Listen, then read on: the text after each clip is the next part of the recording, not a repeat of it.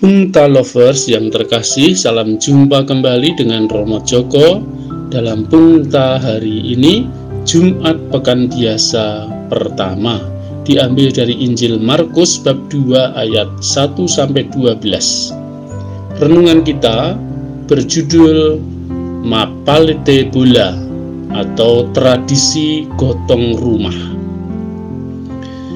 Bayangin pindah rumah di Jawa, mungkin kita melihat orang sedang packing-packing, berkemas perabot-perabot, pakaian, alat rumah tangga yang dipindah dengan mobil ke tempat yang baru. Tidak demikian dengan tradisi di Sulawesi Selatan. Pindah rumah itu berarti memindahkan bangunan rumah panggung yang sudah berdiri lalu diusung ke tempat yang baru. Tradisi ini disebut Mapalete Bula atau Marakak Bula. Tradisi turun-temurun ini didasari semangat gotong royong warga masyarakat. Tanpa semangat solidaritas dan kerjasama, tak mungkin hal ini terjadi. Rumah besar yang beratnya bisa mencapai puluhan ton bisa dipindahkan Selain gotong royong, juga dibutuhkan seorang panutan atau ketua adat yang akan memimpin acara Mapalete Bula. Orang yang berkarisma ini akan diikuti perintahnya oleh seluruh warga. Mereka dengan sukarela membantu mengangkat rumah panggung itu bersama-sama. Mereka memasang bambu dari bawah rumah untuk pegangan memikul bangunan itu. Ketua adat kemudian akan memimpin doa dan memberi aba-aba kepada semua warga.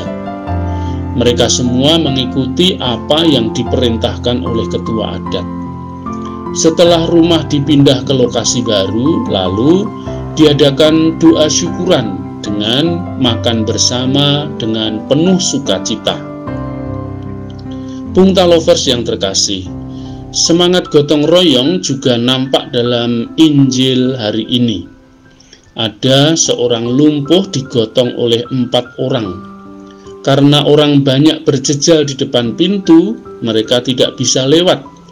Muncullah kemudian ide atau akal kreatif mereka mereka membuka atap rumah di atas Yesus dan menurunkan orang lumpuh itu dengan tilam.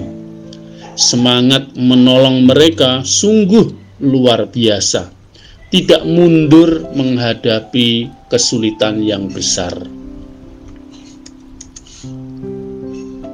Lalu, karena iman orang-orang yang tulus membantu itu, Yesus kemudian berkata kepada si lumpuh, "Hai anakku, dosamu sudah diampuni." Kata-kata Yesus ini langsung menimbulkan ketidaksukaan para ahli Taurat. Mereka menuduh Yesus menghujat Allah. Orang munafik biasanya suka menghakimi orang lain, merasa diri paling benar, dan dengan dalil-dalil aturan Taurat mereka berusaha menghukum orang yang berbuat baik. Orang munafik selalu berpikir negatif terhadap orang lain. Yesus mengkritik pikiran hati mereka. Mengapa kamu berpikir begitu dalam hatimu? Yesus menunjukkan bahwa Ia berkuasa mengampuni dosa karena Ia memang berasal dari Allah tidak hanya itu saja, Yesus juga berkuasa menyembuhkan orang lumpuh itu. Supaya kamu tahu bahwa di dunia ini anak manusia berkuasa mengampuni dosa, maka Yesus berkata, "Bangunlah, angkatlah tempat tidurmu dan pulanglah ke rumahmu." Yesus menghargai iman yang diwujudkan dalam kerjasama dan pengorbanan orang-orang kepada si lumpuh itu. Dengan bersinergi, kita bisa menolong orang lain. Dengan kerjasama, gotong royong, kita bisa membantu. Gotong royong adalah wujud dari iman. Apakah kita punya semangat gotong royong, kerjasama untuk berkorban bagi orang yang menderita? Apakah kita berani terus maju berbuat baik kendati menghadapi tantangan dan kesulitan yang besar di depan? Adiknya Petruk namanya Bagong. Mereka berdua pelayan Arjuna. Mari kita selalu gotong royong, hidup rukun dengan siapa saja. Sekian, sampai jumpa. Salam sehat selalu. Jangan lupa selalu bersyukur. Kita pasti bahagia. Berkah dalam.